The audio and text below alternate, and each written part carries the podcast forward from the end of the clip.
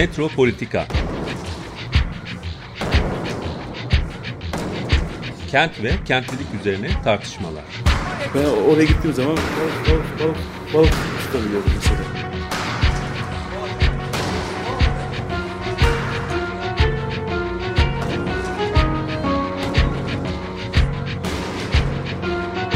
Hazırlayan ve sunan Aysim Türkmen.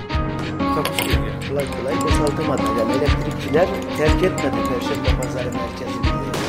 Bu program İstanbul Hollanda Başkonsolosluğu tarafından desteklenmiştir. Merhaba sevgili Açık Radyo dinleyicileri. Ee, Bugün bir kültür tarihçisi, sanat tarihçisi konuğumuz var. Sevgili Gizem Tongo. Hoş geldin Gizem. Hoş bulduk Aysim. Ee, teşekkürler beni davet ettiğin için. Ben teşekkür ederim programıma katıldığın için. Ee, Kendisi genç Osmanlı dönemi ressamlarından Eleni İlyadis üzerine bugün e, sohbet edecek, bizlerle olacak. Kültür tarihçisi dediğim gibi genç Osmanlı dönemini çalışıyor. Savaş yıllarını ve mütareke dönemini özellikle çalışıyor. Aynı zamanda İngiliz Arkeoloji Araştırması e, Enstitüsü'nde şu anda doktora sonrası çalışmasını çalışmalarını yürütüyor. E, ODTÜ'de e, de mimarlık tarihi bölümünde öğretim görevlisi. Evet, Eleni İlyadis e, ile başlayalım. O dönemki diğer ressamlarla belki de devam ederiz ve bize savaş yılları İstanbul'unu hissettireceksin diye düşünüyorum bütün bu programda. e, pek bilmediğimiz e, aslında e, karanlıkta kalmış bir dönemi beraber burada konuşuyor olacağız. Teşekkürler Aysim. Ee, aslında ben e, Eleni İlyadis'in hikayesini e, nasıl merak ettiğimle başlamak isterim. E, doktora tezimde Birinci Dünya Savaşı dönemi kültür tarihini çalışırken e, o dönemin arşiv belgeleri ve e, gazetelerinde e, kültürel yaşama dair e, haberlere bakıyordum. E, ve 1916 yılındaki Galatasaraylılar Yurdu sergisinde e, ödül alan ressamların isimlerine denk gelmiştim e, Osmanlı e, arşivlerinde. E, bunlardan e, biri e, benim çok ilgimi çekti çünkü hiç ismine daha önce rastlayamadığım bir sanatçıydı. Şöyle kısaca bahsedersem 1916 yılından 1951'e yılına kadar İstanbul'da Galatasaraylar Yurdu sergileri e, yapılıyor ve Birinci Dünya Savaşı sırasında da yani 1916 yılında da bunun ilk sergisi düzenleniyor e, Pera'da. E, ve e, bu sergide e, Gümüş Sanayi Nefise madalyası alan e, dört ressam var. Biz bunun e, isimlerini hem arşivlerden hem de dönemin gazetelerinden takip edebiliyoruz. Şimdi bu dört ressamdan üçü e, Türkiye'deki sanat tarihinde ismi e, neredeyse kanonlaşmış e, kişiler. Avni Lifiş, Feyhaman Duran ve İbrahim Çağlı yani 1914 kuşağı Türk empresyonistler olarak e, geçen erkek Türk Müslüman ressamları. Ama bir ödül Eleni İlyadis isimli Rum bir kadına da veriliyor. E, ve Eleni İlyadis'in e, buradaki önemi e, hem 1916 sergisinde ödül alan tek kadın hem de e, ödül alan tek gayrimüslim sanatçı olması. E, ve bu çok büyük bir başarı ve sergideki eserlere baktığımız zaman en çok eser sergileyen sanatçılardan da bir tanesi Eleni İlyadis.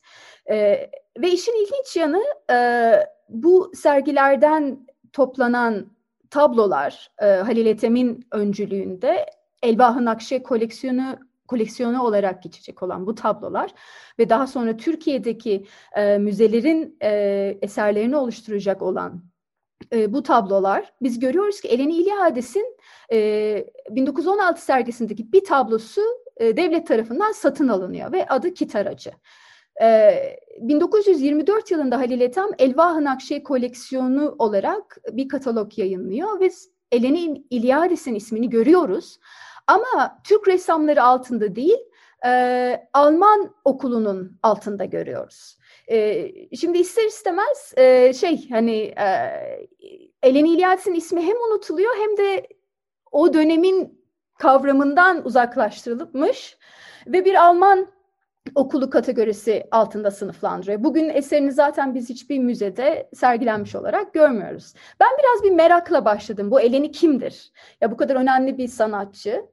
Biz bugün kültürel hafızamızda hiçbir şekilde yeri olmayan bu sanatçı kimdir, ne yapmıştır, nerede ölmüştür ve e, hakkında rastladığım tek yegane kaynak Mayda Saris'in 2003 yılında yayınladığı e, İstanbul'u Rum Ressamlar kitabı. Orada Eleni İlyadis ayrılmış kısa bir bölüm var ve biz Eleni hakkında 1895'te İstanbul'da doğduğunu ve 1970'lerin 70'lerde de 1975'te de Atina'da öldüğünü okuyoruz.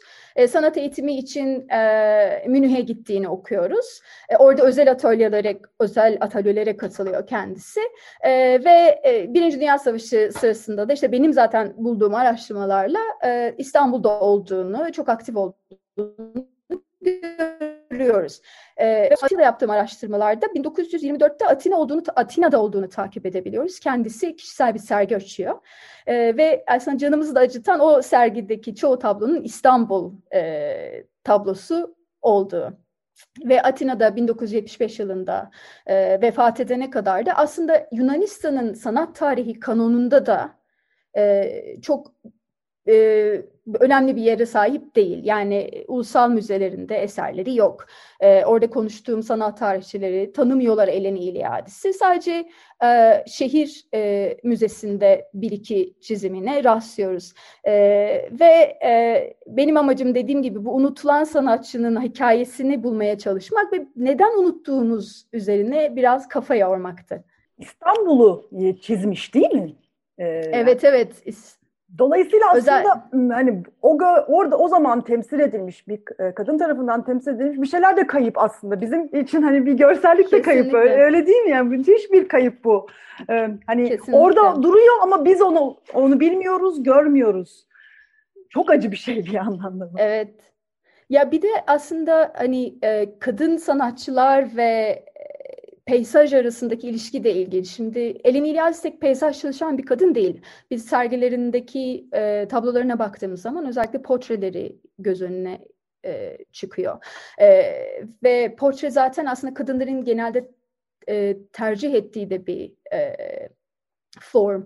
E, çünkü dışarı çıkmak, dışarıda plan area, yani açık alanda resim yapmak çok kolay bir şey değil.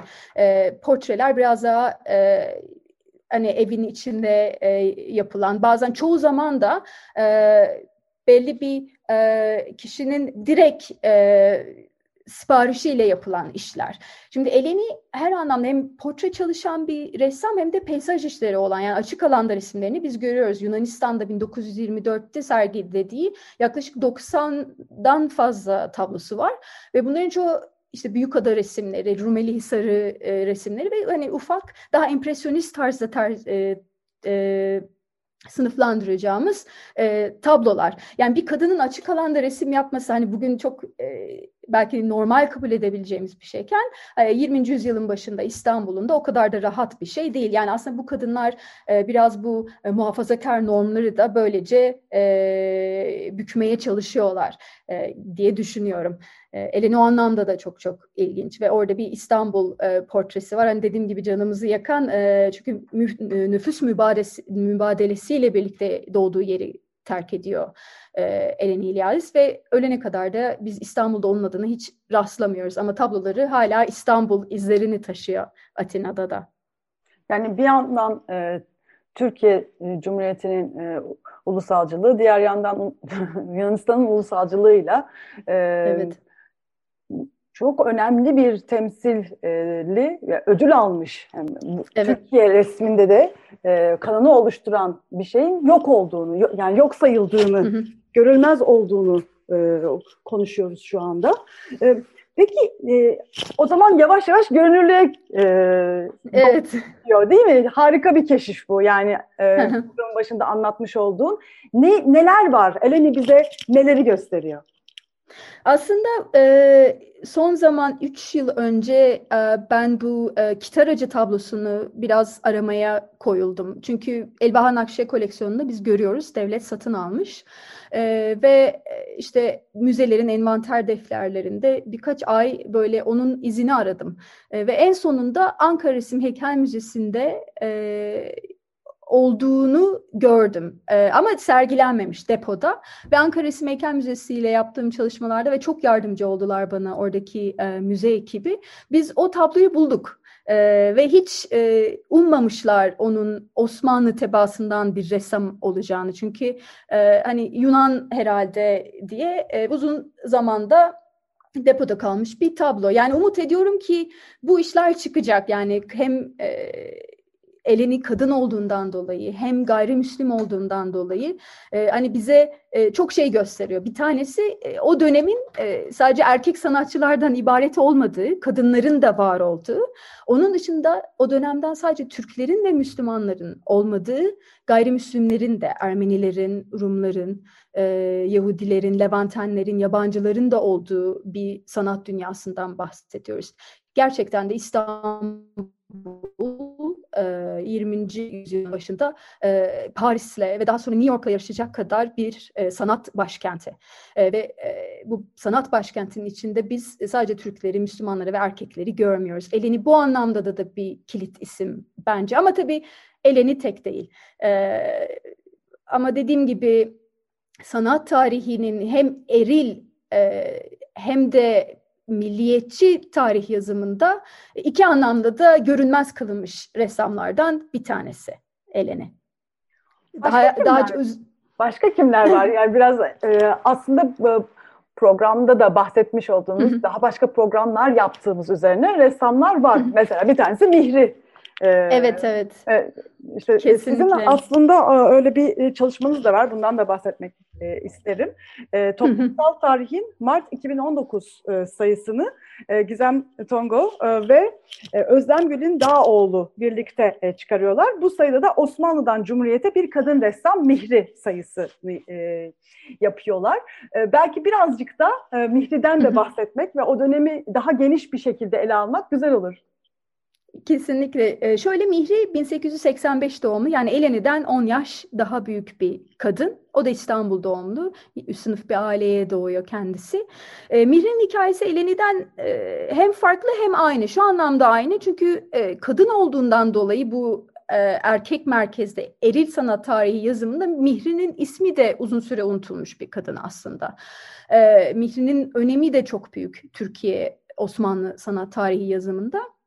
Çünkü kendisi 1914 yılında kurulan İnaz Sanayi Nefise Mektebi yani e, Kadınlar Güzel Sanatlar Akademisi'nin e, kurucularından ya daha doğrusu kurulmasına ön ayak olmuş bir kadın e, ve İnan Sanayi Nefise Mektebi'nde e, resim dersleri var vermiş. O dönemde yani 1914-1919 arası müdür e, müdürlüğünü de yapmış bir kadın. E, kendisi İstanbul sergilerine katılmıyor o dönem bahsettiğim Galatasaraylar Yurdu sergilerine ama öğrencileri o sergilerde ödüller alıyor. O sergilere katılıyor. Yani Mihri'nin yetiştirdiği bir kadın e, ressamlar kuşağı var. Onun dışında kendisi çok başarılı bir e, portre ressamı. E, işleri muazzam. Gerçekten e, pastelle genelde e, pastel genel kullanıyor e, ve baktığınız zaman e, çok yetenekli bir ressam olduğunu görebiliyorsunuz. Şimdi biz 2019 senesinde e, Salt Galata'da e, bir sergi gerçekleştirdik. Özellikle Özlem Gülündaoğlu e, değerli arkadaşım ve meslektaşım e, Mihri üzerine bir doktora tezi yazdı Kanada'da. E, onunla birlikte Salt Galata'da 2019 yılında e, ortaklaşa gerçekleştirdiğimiz bir sergi oldu Mihri'ye adanmış ve toplumsal tarih, senin de bahsettiğin toplumsal tarih sayısı da e, hem bu sergi paralelinde hem de Dünya Kadınlar e, Günü'ne e, atıfla gerçekleştirildi.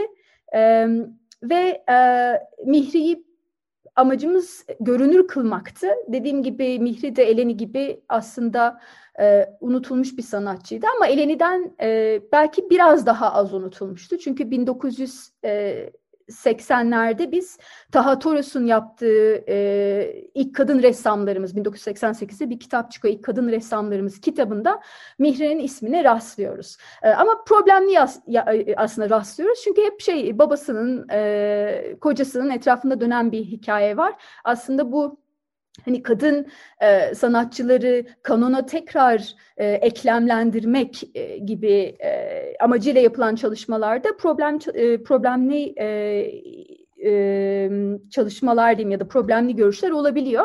Bu da genelde kadın sanatçıların e, er, etrafındaki erkekler e, hikayelerinde dönen bir e, tarih yazımı e, ve işlerinden çok e, hayatlarına odaklanmış bir e, tarih yazımı. Biz Mihri'yi genellikle e, işte Amerika'da sefalet içinde e, ölmüş, e, fakirlik içinde ölmüş bir kadın olarak görüyoruz. İşte e, kendini sanatı için e, feda etti gibi şeyler okuyoruz ki Özlem Gül'ün Dağoğlu'nun e, Amerika'daki arşivlerde yaptığı çalışmalarda biz görüyoruz ki Mihri çok e, şaşalı da bir hayat yaşıyor ve orada resim öğretmenliğine e, devam ediyor, resim yapmaya devam ediyor. Yani biz kadınları böyle e, Türk filmlerindeki gibi e, işte çok acı çekti, çok e, ızdırap çekti gibi e, bir şekilde gösterilmeye çalışılıyor.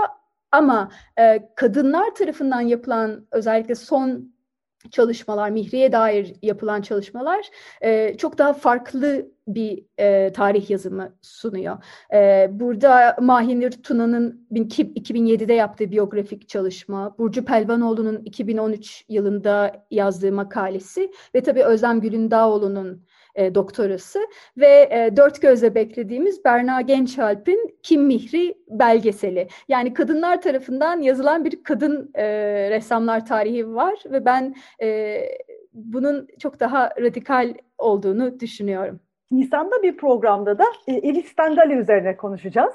Seza Sinanlar Uslu. Ee, Sinanlar evet. Uslu'yla e, İvis Stengali üzerine konuşacağız. Onlar da Sula Boziz'le birlikte İvis Stengali üzerine bir çalışma yaptılar. Dolayısıyla böyle yeni bir kanon oluşuyor diyebilir miyiz Gizem? E, Kesinlikle yani özellikle 1980 sonrası e, feminist çalışmalarla birlikte ivme kazanmış e, kadınlara dair yapılmış biyografik çalışmalar e, veya geç Osmanlı olsun, erken Cumhuriyet dönemi olsun o kültürel, sosyal çalışma, e, politik tarih çalışmalarında da aslında kadınların çok önemli bir yeri olduğu e, yavaş yavaş ortaya çıkıyor. O anlamda e, Seza Sinanlar Uslu ve Sula Bozis'in e, hatta ge- 2019 yılında yayınladığı İvis Tangali kitabı da çok değerli. E, İvi'yi ben biraz e, aslında Eleni'nin hikayesine de benzetiyorum. Çünkü İvis Tangali e, tabii ondan çok daha sonra doğmuş. 1922 doğumlu İvis Tangali, İstanbul doğumlu. E, ama 1964'te Rum e, tehciri sırasında o da doğduğu yeri terk etmek zorunda bırakılıyor ve o da Atina'ya yerleşiyor. E, biz kitapta da takip edebildiğimiz kadarıyla İvis Stangal, Stangali'yi e, Atina'da tabii ki İstanbul'daki kültür hayatıyla karşılaştırılamayacak derecede aslında bir nasıl diyeyim e, çok daha az görünür orada ki burada Türkiye'de onlar grubu kurucularından Bedir Rahmi Eyüpoğlu'nun öğrencilerinden e, ve doğduğu yeri terk etti, terk etmek zorunda kaldığı için e, oldukça e, ne yazık ki yani psikolojik olarak da e, tahmin ediyorum travmatik bir e, deneyim bu pek çok insan için e, öyle bir deneyimden geçiyor. E, benim için Eleni İlyadis de e, o şekilde yani benim en merak ettiğim konulardan biri ve hala arkasındayım. Yani Atina'da nasıl bir hayatı oldu? İstanbul'daki geçmişini nasıl hatırladı? E, biz hani iki devlet arasında imzalanmış bir mübadeleden bahsediyoruz ama günlük hayata, insanların yaşamlarındaki travmatik etkileri çok konuşmuyoruz. İki, iki, e, iki kere yabancı kitabındaki gibi yani bu Rumlar hem e, Osmanlı topraklarında hem de e, gittikleri Atina'da iki kere yabancılardı.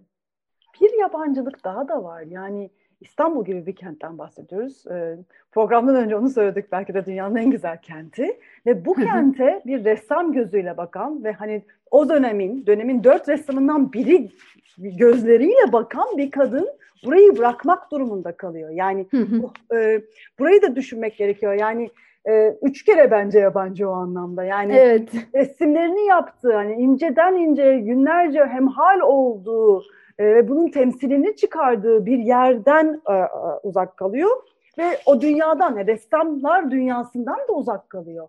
Ve e, o, o, o ressamlar da böyle bir kadının varlığından uzak kalıyorlar. Bu da çok e, önemli. Yani hani bugün e, daha yeni yeni ortaya çıkan bir kanonu bilmiyoruz ve o konunun e, belki de bambaşka şekilde gibi gelişmesi de durdurulmuş oluyor. Yani bunlar da hani iki iki tane ressam, İstanbullu ressam, İstanbullu ressam e, şu anda sanat tarihinin kıyılarında, köşelerinde bulunmaya, kazınmaya çalışılıyor. Yani Kesinlikle. Çok fazla büyük yabancılaşmalar söz konusu. Kesinlikle. Peki bunu nasıl aşabiliriz yani? Hani Evet. ben bunu hep kendime soruyorum çünkü e, hani Osmanlı kültür sanatı evet kozmopolit, çok kültürlü, çok dinli ve çok kültürlü, çok dinli derken, çok dilli derken biz e, pek çok aslında dile hakim olmamız da gerekiyor. Yani en azından e, o dilleri bu tarih yazımına entegre etmemiz gerekiyor. Yani bir Osmanlı tarihçisi Yunanca, Ermenice e, kaynaklardan o daha demokratik bir tarih yazmaya çalışması gerekiyor. Tabii her dili bilmek e, çok söz konusu değil. Çok fazla insan yok her o, o dönemdeki e, kaynakların dillerine hakim olabilecek ama burada e, belki de bir çözüm e, dayanışmayla olabilir. O da e, Atina'daki, Ermenistan'daki veya Ermeni tarihini, Yunan ta- Yunan sanat tarihini, Rum sanat tarihini çalışan insanlarla bu Türkiye'deki sanat tarihçiler arasında bir e, dayanışma, birlikte çalışma, birlikte konuşma ve paylaşma üzerine belki daha demokratik bir tarih yazılabilir. Ee, hani ben onun inancındayım ve hani çok sevgili arkadaşım ve meslektaşım biz Vasken Haçik Davidyan o da 19. yüzyıl e, Ermeni resim sanatı çalışıyor. E, Biz birlikte çok çalışıyoruz. Çok dirsek teması halindeyiz. E, Ve birlikteyken bulduğumuz şeyler ben tek başıma bulduğum şeylerden çok daha geniş, çok daha çığır açıcı, çok daha farklı bir İstanbul portresi bize sunuyor. Bunlardan biri de bizim son zamanla çalışmaya başladığımız örneğin dünya fuarlarından 1900 e, yılında yapılmış Paris e, fuarı. E, biz bu e, Türkiye'deki sanat tarihi yazımında bu dünya fuarları işte 1851 Londra'da, 1867 Paris, 1873 Viyana yani böyle devam eden dünya fuarlarında Osmanlı temsili e, de genelde Türk ve Müslüman e, sanatçılar e, veya Türk Müslüman elitleri üzerinden yazılıyor. Mesela Halil, Halil Paşa, Osman Hamdi biz bunların isimlerini görüyoruz. Ama Vasken'le yaptığımız çalışmalarda işte 1900 yılında Paris'teki e, Saray'daki çalışmalarda Os- Osmanlı temsilini örneğin Edgar Şahin, e, Arsen Şabanyan, e, Leonie de Locades isimli bir kadın var. E, yani çok daha kozmopolit bir e, Osmanlı temsili görüyoruz biz dünya fuarlarında. Edgar Şahin Ermeni bir sanatçı. Bugün e, Ermeni resim sanatının en önemli sanatçılarından biri ki orada da Edgar Şahin'in Osmanlı'yı temsilen dünya fuarlarında e, dünya fuarlarına katıldığı bilinmiyor. Yani her iki taraf da milliyetçi söylemden çekiyor. Arsen Şa- Şabanyan da aynı şekilde. Mesela Halil Paşa katılıyor bu sergiye ve biz Halil Paşa üzerinde duruyoruz. Ama e, Locades kimdir? Mesela Leonie de Locades de Rum şey e, Rus asıllı bir kadın ressam. E, bir Osmanlı Rum e, Rumu ile evli ve o da sergiye katılıyor. Benim daha önce e, Osmanlı Ermeni ressamı Panos Terlemezyan üzerine yaptığım çalışmada da biz e, Panos Terlemezyan'ın örneğin 1913'teki Münih'teki 11. Uluslararası e, Sanat Sergisi'ne yine Osmanlı'yı temsilen gittiğini görüyoruz. Yani aslında e, e, konuştuğumuz gibi çok daha kozmopolit bir dünya var ve Avrupa'ya, Amerika'ya bile bu dünya fuarlarına Osmanlı kendi temsiliyetini sadece Türk Müslüman erkek ressamlarından yapmıyor. Ee, ve hani biz inanıyoruz ki e, dediğim gibi hani bu dayanışma ile çok daha farklı bir e, sanat tarihi yazımı e, olacağına inanıyorum. İstersen e, bu harika sohbete bir kısacık ara verelim. Hı E, bize e, bize getirdiğin, programa getirdiğin harika bir parça da var. Rita Abacı söylüyor. E, bir kanto bu. E, Kemani Sarkis e, Bey'in bestesi. Darıldın mı cicim banayı farklı bir yorumla dinliyoruz. Evet, Gizem Togo ile olan programımız devam ediyor. Rita Abacı'yı dinledik. E, Ondan bir kanto dinledik. Ama aslında Rita Abacı bir rebetiko sanatçısı değil mi Gizem? Rita e, İzmir doğumlu e, bir Rum sanatçı. Kendisi e, sanatçısı. E, tam doğum tarihini bilmiyoruz Rita'nın. Çoğu yerde 1914 olarak geçiyor ama bazı kaynaklar daha önceye de e, götürebiliyor doğum tarihini Rita'nın. E, ve biz nüfus mübadelesi, mübadelesiyle birlikte İzmir'i terk ettiğini ve Atina'ya yerleştiğini biliyoruz. Bu dinlediğimiz e, kayıt da 1930 yıllarına ait Atina'da yapılmış bir kayıt. E, işin ilginç yanı aslında şarkının Kemanis Sarkis Bey'in bestesi olması. Kendisi Ermeni bir müzisyen, İstanbul Beşiktaş doğumlu Ermeni bir müzisyen. Bugün TRT arşivinde bu e, Darıldım mı Cicim Bana olarak bilinen şarkı e, anonim olarak geçiyor. Yani Kemanis Sarkis Bey'in ismini biz göremiyoruz. Ya aslında çok katmanlı bir e, kültürel hafızada boşluk, sessizlik, e, unutuluş e, söz konusu bu hikayelerle. E, o nedenle bu şarkı da e, benim hani özellikle seçmek istedim. E, bu e, hafızadaki boşlukları göstermesi, bu boşlukları e, doldurması sesleriyle e, açısından. Eleni İlyadis üzerine konuşuyorduk programın ilk e, bölümünde. Ben bir de e, bir kere daha seni de belki e, yeni açmış olanlar vardır. Bir kere daha senin e, kim olduğunu da söyleyeyim dinleyicilerimize. Geç dönem Osmanlı kültürel tarihçisi Gizem. ODTÜ Mimarlık Tarihi bölümünde de öğretim görevlisi. Eleni İlyadis üzerine de uzun yıllardır çalışıyor. Eleni İlyadis'in İstanbul'undan bahsediyorduk. Evet. Eleni İlyadis'in İstanbul'u vurguladığım gibi kozmopolit bir İstanbul e, ve Eleni bunun önemli bir parçası. 1916-1917 yıllarında. Hatta 1918 yılında da İstanbul'da bir solo sergi düzenliyor Eleni. Ee, Almanca e, yayınlanan Osmanische Lloyd gazetesinin bürosunda. 1918 yılındaki bu kişisel sergisi ikinci sergi olarak geçiyor Osman Şaloyd gazetesinde. Birinci sergi Avni Lifiş'in, Avni Lifiş'e ait eserlerin sergilendiği bir sergi ve biz yine Eleni İlyadis'in ismini bu Osman Şaloyd gazetesinde birkaç haberde görüyoruz.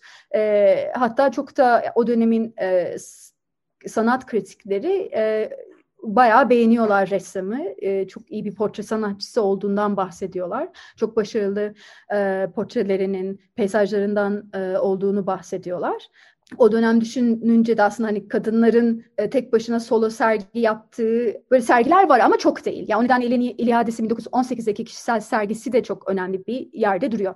E, ben mütareke dönemi çalışıyorum ve 1918-1923 arası yani nüfus e, mübadelesi arasında Eleni ne yapıyordu, neredeydi? Bu hala bulduğum e, bir cevap değil.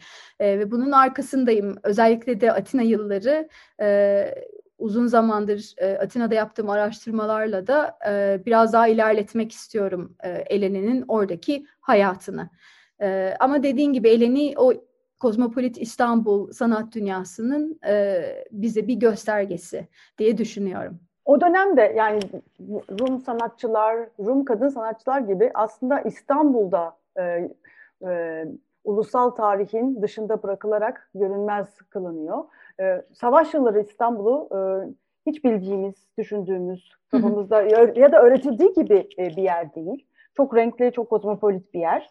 E, hatta belki de 1890'lardan, 80'lerden itibaren İstanbul e, bir Paris yani e, ekonomik olarak da e, hani belki e, üretim e, bir Avrupa kentindeki üretim kadar yok ama alışverişi, ticareti muazzam e, bir e, ölçüde ve bu e, bunun da yarattığı, bu ekonomik altyapının da yarattığı bir gösteri ve kültür şehri.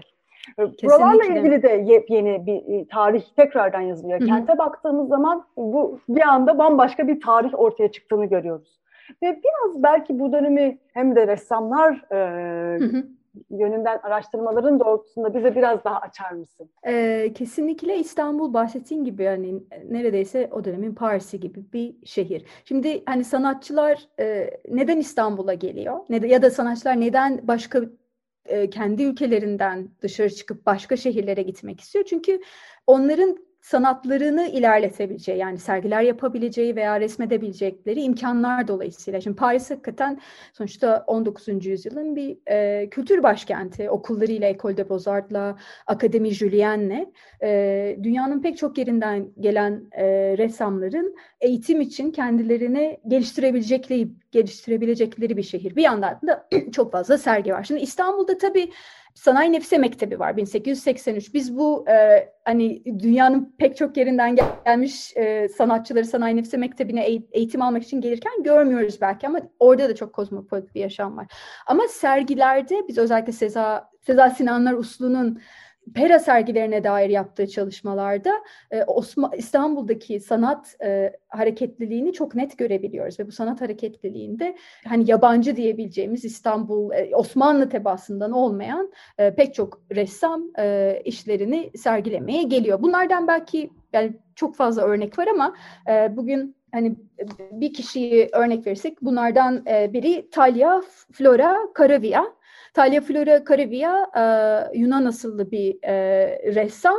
E, o da 1902 salon sergisinde pek çok işler sergilemiş. İstanbul'da atölyesi olan e, ve o dönemin e, çok aktif e, sanatçılarından bir tanesi. E, Talia Flora Caravia yani Eleni'den farklı olarak Yunanistan'daki sanat tarihi yazımında önemli bir yeri var. Ama burada işte Seza Sinan Aruslu'nun çalışmaları dışında veya o dönem pera sergilerine e, bakmayan e, çalışmalar dışında biz ismini çok görmüyoruz aslında e, Talia Flora'nın. Benim e, şeye dönersek e, hani dediğim gibi bu e, dayanışmaya, dirsek temasına, farklı sanat tarihçileri arasındaki e, birlikte çalışma e, önemine değinirsek Atina'daki Despina e, Zuryani e, adlı sanat tarihçi e, Talia Flora Caravia üzerine çalışıyor ve biz uzun zamandır iletişim halindeyiz ve gerçekten çok heyecan verici çalışmalar yapıyor. Çünkü Talia Flora Caravia'nın e, günlüklerine, anılarına e, erişimi var ve biz o e, yazılarda İstanbul'a dair e, çok farklı e, şeyler okuyabiliyoruz, e, anekdotlar okuyabiliyoruz Talia'dan. E, zaten şey, e, o dönemin e, günlüklerini anılara gittiğimiz zaman e, İstanbul'un e, bugün tahayyül ettiğimiz şehrinden çok farklı bir şehir olduğunu görebiliyoruz. Talia o nedenle de önemli bir ressam. Evet, savaş yılları mesela hani hep ah savaş başladı karanlık oldu. Hani böyle bir dönem sanki her şey durdu. Hiç de öyle değil gene İstanbul'da. Değil. Savaş yıllarında değil, neler oluyor? Aslında savaş yılları e, dediğimiz yani Birinci Dünya Savaşı Osmanlı'nın e, Almanya ve Avusturya Macaristan İmparatorluğu ile birlikte savaşa girdiği, daha sonra Bulgaristan da e, 1915 yılında katılacak. E, ve 1914-1918 arası e, Birinci Dünya Savaşı döneminde e, tabii ki e, cepheye askerler gidiyor, tabii ki erkek örneğin e, öğrenciler e, okullarını bırakıyorlar ve cepheye gidiyorlar. Ama bir yandan da kadınlar, e, cephe gerisinde kalan kadınlar e, tabii ki kayıplar, acılar, travmalar söz konusu. Ama sanat dünyası açısından da kadınlara bir kapı açılmış oluyor. E, bunlardan belki de en önemli örneklerden biri e, İnan Sanayi Nefise Mektebi'nin 1914 Ekim'inde eğitimine başlaması yani kadınların resmi anlamda bir sanat eğitimi almaya başlamasını biz Birinci Dünya Savaşı döneminde görüyoruz. Onun dışında savaş döneminde ilk defa Galatasaraylılar Yurdu sergileri düzenlenecek. Bahsettiğim Eleni'nin katıldığı, ödül aldığı 1916 yılında başlayan, 1917'de de biz bu sergiyi görüyoruz. Ee, ve e, çok ilginç e, koz, yine dediğim gibi e, gayrimüslim ve yabancı sanatçıların olduğu sergiler bunlar. Bir savaş söz konusu ama bir yandan da e, eski kozmopolit geleneği sürdürmek isteyen bir e, elit sınıf, bir ressamlar grubu var. E, belki burada bize sanat tarihi ya da tarih yazıcılığı açısından şunu gösteriyor. Yani her şey yukarıdan aşağı, aşağı devletin e, tahakkümünde değil. Yani sivil toplumdan hala... E, savaşa acılarına resmen bir şekilde sanatlarıyla direnmek isteyen, bu kozmopolit yaşamı sürdürmek isteyen sanatçılar da var. Yani bunu bir sivil toplum olarak da biz görebiliyoruz diye düşünüyorum. Ee, savaş devam ediyor evet ama sanat dünyası da devam ediyor. Bazen bu diyalektik bir e, söylem aslında. Savaş İnan Sanayi Nefise Mektebi gibi daha önce belki açılması mümkün olmayan bir kadınlar güzel sanatlar okulunun açılmasına ön ayak sağlıyor. Çünkü radikal bir dönem, radikal değişimlerin, radikal kararların alınabileceği, demokratik bir e, tartışmanın e, mecliste olmadığı bir dönemden bahsediyorsunuz. E, ve bu e, biraz e, aydınlanmacı, despotik bir anlayışla e, İnan Sanayi Nefsi Mektebi gibi bir okulun açılmasına ön, ön ayak olabiliyor. E, bir yandan da demokratik olmayan despot bir rejimde, savaş rejiminde e, hala sivil toplumun e, parçalarını da görmek mümkün. Hani ben bu sergileri biraz o yönden de ilginç buluyorum. E, bu kültür ortamını o yönden de ilginç buluyorum. Yani sadece devletin e, yukarıdan aşağı bir despotik şeyiyle okunabilecek e, bir tarih değil bu. E, zaten hani amaç da biraz bu sivil toplumu da görünür kılmak e, diye düşünüyorum. Evet bir de mütareke dönemi var. Yani savaştan sonraki dönem. 1918-23 dönemi. Burada da çok evet. enteresan şeyler oluyor. Hiç bilmediğimiz değil mi? Kesinlikle. Hatta mütareke dönemi e, Birinci Dünya Savaşı'ndan daha uzun bir dönem. Yani 4 yıl 11 ay sürmüş. Neredeyse 5 yıllık bir süreçten bahsediyoruz. Birinci Dünya Savaşı sonunda Osmanlılar savaşı kaybediyorlar. E, ve e, 1918 Kasım'ında da işgal başlıyor. 1920 yılında bu işgal daha resmi bir anlam kazanacak ve 1923 yılına kadar da İstanbul aslında işgal e, kuvvetlerinin yönetimi altında. E, şimdi biz o dönemi dair tarih yazımında aslında 1918-1923 arasında İstanbul tarihini e, uzun bir süre göz ardı edilmiş. Çünkü Kurtuluş Savaşı'na, Anadolu'ya, Anadolu'daki direnişe odaklanmış bir tarih yazımı var. E, ve İstanbul'un e, tarihi e, ve özellikle bu hani e, Anadolu'daki direnişten farklı olarak görünerek e, biraz e, ne denir e, o tarihin kara kedisi olarak görülmüş. Şöyle bir şey de var ben burada bir parantez de açmak istiyorum. Tabii. yani ulusal evet kültür e, tarih yazımı ile ilgili bağlantısı var ama bir yandan da 1917 Rus devriminin de etkisi olmuş. Yani e, ekonomik olarak da yani hep şey diye düşünür Doğu Batı arasında İstanbul. Halbuki İstanbul'un en önemli e, coğrafi e, konumundan dolayı ortaya çıkan önemi aslında kuzey-güney ilişkisini sağlayan o arada olan bir kent olması. Dolayısıyla Rusya içine kapandığı andan itibaren İstanbul'da eski ekonomik e, önemini sürdüremiyor. O yüzden de böyle bir hatta belki de ulusalcılıktan yani Ankara'ya taşınması kadar önemli, belki daha bile önemli böyle bir ekonomik durum da var. Ama senin söylediğin şimdi şeyde bambaşka bir perspektif oluşturuyor şimdi. Kesinlikle aslında Rus devrimi e, önemli bir kilit e, tarih yani pek çok açıdan ama İstanbul'un mütareke, dönemindeki açısından da e, çok fazla Rus mültecinin e, İstanbul'a gelmesi söz konusu. E, hatta son zamanlarda çok değerli bir çalışma yapıldı. Bu Rus mültecilerinden biri de e, önemli bir değerli bir e, ressam Alexei Grishenko. E, ve Grishenko da o dönem İstanbul'da ve e, bizim takip edebildiğimiz Namık İsmail ile İbrahim Çaldı'yla da e, yakın ilişkisi var. E, Sanayi Nef İnat Sanayi Nefse Mektebi'ni ziyarete gidiyor ve buna dair anılarını yazıyor 1930'larda Fransa'da ve e, yani Ruslar e, mülteciler e, tek değil yani İngilizler, Fransızlar, İtalyanlar e, daha sonra e, İstanbul'a dönen Ermeniler pek çok resim sergisi var. Örneğin 1920-21 arası e, yanılmıyorsam e, bin, yaklaşık 13 tane sergi var sadece Rus ressamlarının, amatör Rus ressamlarının e, hazırladığı. E, bunun dışında Galatasaraylar yurdu resim sergileri devam ediyor. E, onun dışında Ermenilerin e, yaptığı resim sergileri var. Örneğin 1920 yılında Panos Terlemezyan ve Levon Kürkçiyan e, İstanbul'da, Pera'da bir resim sergisi düzenliyorlar. E, onun dışında 1921 yılında e, Ermeni Sanatçılar Birliği'nin 6. sergisi olarak geçen 1916 yıl 16 yılında Tiflis'te kurulan bu Ermeni Ressamları e, Cemiyeti'nin 6. sergisi olarak geçen ve ilk defa İstanbul'da ve son defa İstanbul'da yapılan bir sergi var. Şimdi biz o dönemin gazetelerinden yani Osmanlıca, Ermenice gazetelerinden takip edebildiğimiz kadarıyla bu sergileri e, bayağı böyle önemli bir kitlede gidiyor ve e, akışkanlık söz konusu örneğin 1920'deki Panos Terlemezyan Kürkçeyan sergisini biz Namık İsmail'in e, Namık İsmail'in gittiğini e, Abdülmecit Efendi'nin gittiğini İbrahim Çallı'nın gittiğini okuyabiliyoruz Ermenice gazetelerden. Yani bu ressamlar birbirlerini çok iyi tanıyorlar. E, ama tabii bir mütareke sonrası e, yani 1923 sonrası imparator, imparatorluktan ulus devlete geçişte e, pek çok ismi, bugün e, burada bahsettiğim e, ismi, Eleni İlyadis'i, e, Talya e, Flora Karavia'yı, e, Panos Terlemezyan'ı, Kürtçeyan'ı e, biz e, Türkiye'deki sanat tarihi yazımında ismini göremiyoruz. E, ama o dönemin İstanbul ise çok farklı. Yani bize bahsettiğin dönemle bile müthiş bir hani yepyeni bir tarih yazımın gerekliliği de ortaya çıkıyor. Yani sadece Kesinlikle. sanat tarihi değil, aslında bir tarih yazımı yani İstanbul üzerinden yeniden Türkiye tarihinin yazılması, belki de dünya tarihinin yazılması gerekiyor öyle değil mi? Yani yani hani bu kentler tarihi e, şimdi mesela modern kentleri derslerde falan okuttuğumuz zaman hani e, New York işte e, o zamanın Kesin. Paris'i tabii ki Berlin, Londra.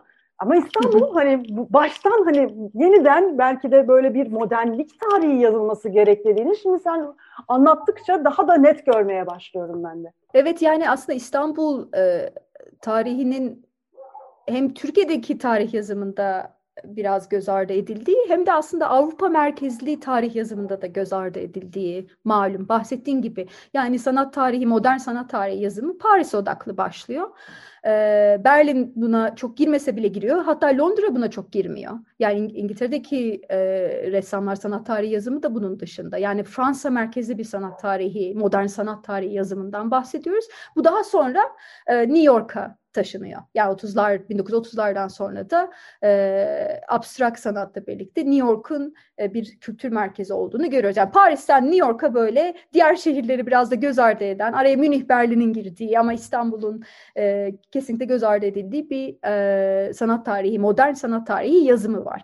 E, kesinlikle İstanbul tarihini, İstanbul'daki sanat dünyasını bu tarihe tekrar e, eklemlemek ama eklemlerken de biraz daha düşünmek gerekiyor. E, hani burada belki eklemlemek derken ne kastettiğimi söylemek isterim.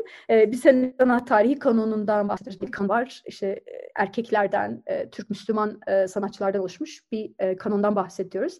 Şimdi amacımız tabii Mihri'yi buraya eklemleyelim, Eleni'yi buraya eklemleyelim, kadınlar da vardı kadınları eklemleyelim gibi yeniden bir kanon yaratmak değil.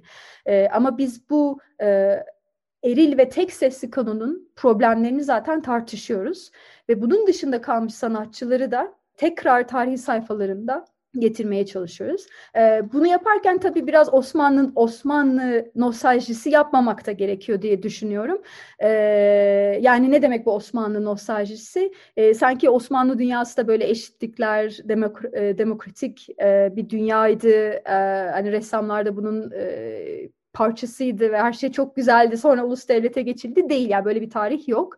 E, bunu Ethem Eldem çok güzel e, arka kapı milliyetçiliği olarak belirtiyor. Yani Osmanlı tarihinde de nostalji aramadan e, bu sanatçıları tartışmak. E, çünkü geç Osmanlı döneminden bahsedersek burada e, savaşların, e, yıkımların, e, mübadelelerin, e, nüfus değişimlerinin, katliamların olduğu bir dönem ve sanatçılar bunlardan bağımsız hareket etmiyorlar. Yani bunlardan bağımsız değiller.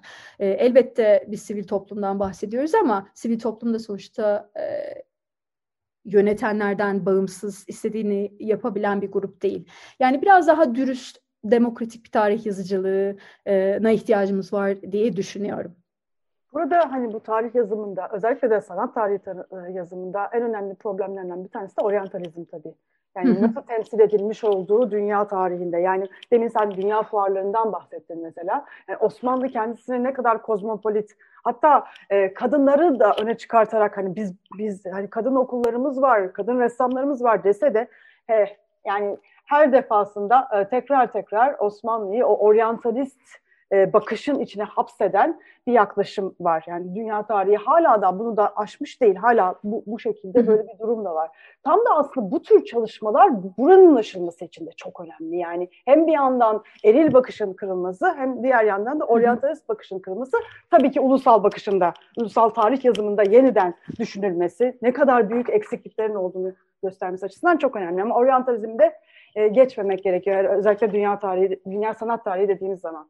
Kesinlikle yani e, Batı merkezli bir tarih yazımında da e, oryantalizmden çeken bir Osmanlı tarihi görebiliyorsunuz. Yani gerçi bu şey değil yani bugün e, oryantalizm üzerine çok değerli çalışmalar yapıldı ve self-orientalizm yani kendi oryantalizm diye görebileceğimiz Osmanlı hani aslında bundan çok yararlanıyordu. Belki en güzel örneklerden biri Ethem Eldem'in e, söylediği gibi Osman Hamdi'nin bir oryantalist ressam olduğu ve bunda bir problem olmadı. Yani e, buna elbette oynuyor Osmanlılar. Yani biliyorlar böyle bir e, Batı'nın Osmanlı'yı görmek istediği bir biçim var. Yani çünkü biz 19. yüzyıldan bahsediyoruz ve oryantalizm dediğimiz şey e, bir hiyerarşik güç ilişkisi. Yani e, Batı gelişmiş, Batı aydınlanmacı, Batı bilimsel e, batı e, zamanın içinde değişen, dönüşen, yükselen bir coğrafya. Doğu ise tarih e, sınıfında e, yani hiçbir değişim dönüşüm geçirmeyen, aynı kalan, işte bilimden uzak, e, gelişimden uzak bir yer olarak e, tahayyül ediliyor ve bunun ideolojik e, yansımalarını biz sanatta da görüyoruz. E, ve e, bu hani 19. yüzyılda oldukça problemli bir bakış açısı. Erken 20. yüzyılda da problemli bir bakış açısı ama o dönemde kalmıyor yani biz bunu her zaman görüyoruz. Şey benim küçükken en çok sevdiğim e, filmlerden biri Geleceğe Dönüştü, Back to the Future. Hani ben o zaman baktığımda da böyle hani oryantalizm üzerine okuduktan sonra e, hani o Hollywood filmlerinde bile yani bu Edward Said'in de bahsettiği üzere e, Doğu hep şey hani barbar, gelişmemiş, dönüşmemiş bir yer.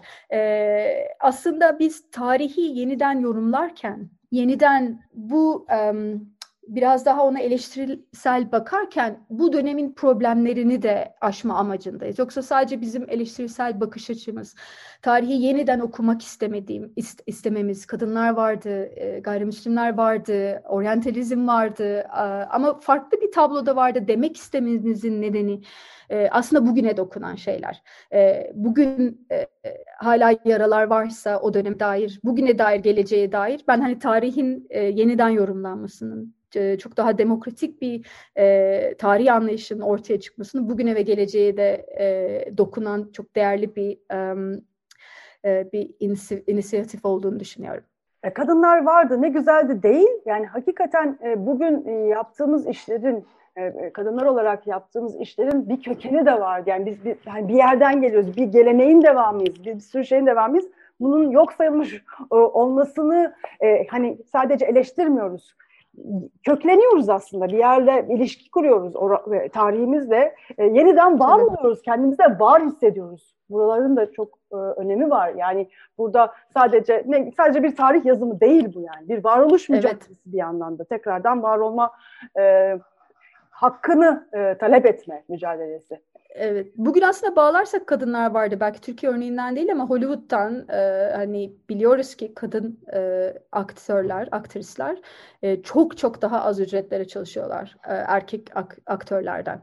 E, yani kadınlar vardı ama e, bu ekonomik de bir problem. Yani bugün hala devam eden bir problem. E, hani biz bunu çok net e, sanat piyasasında görebiliyoruz. Ee, dediğim gibi o geçmişte kalan bir problem değil. Çünkü geçmişte çözemediğimiz bir problem zaten bugüne yansıyan bir problem. Bugüne devam eden bir problem oluyor. O nedenle böyle çalışmaların çok değerli olduğunu düşünüyorum. Görünür kılınması gerektiğini düşünüyorum. Yoksa hani pembe bir dünya değil, pembe bir tarih değil. Bunu biliyoruz. Bu, bu yaptığımız nostalji değil. Hani bunu bütün dürüstlüğüyle konuşmak gerekiyor. Çünkü bu problemler bugün de hala devam ediyor. Kadın problemleri hala devam ediyor. Ee, İstanbul Sözleşmesi çok daha yeni feshedildi ve e, Türkleştirme politikaları bugün de hala devam ediyor. Yani bu Türkiye tarihine baktığınız zaman 1955, 1964 e, Hrant Dink'in öldürülmesi e, yani tarihi bugünden e, koparmadan ko- düşünmek mümkün değil diye düşünüyorum. Gizem Tongo çok teşekkür ederiz. Hakikaten e, çok teşekkür ederim.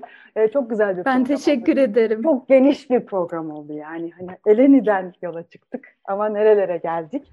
E, tekrar tekrar programda de farklı farklı konuları bu genişlikte tartışmaktayla bugünkü programımıza son veriyoruz. Tekrar teşekkürler. İyi haftalar diliyorum. İyi haftalar.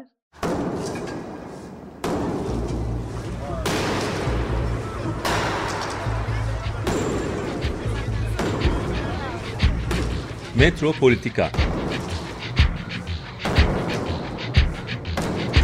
Kent ve kentlilik üzerine tartışmalar. Ben oraya gittiğim zaman balık balık balık balık tutabiliyordum mesela.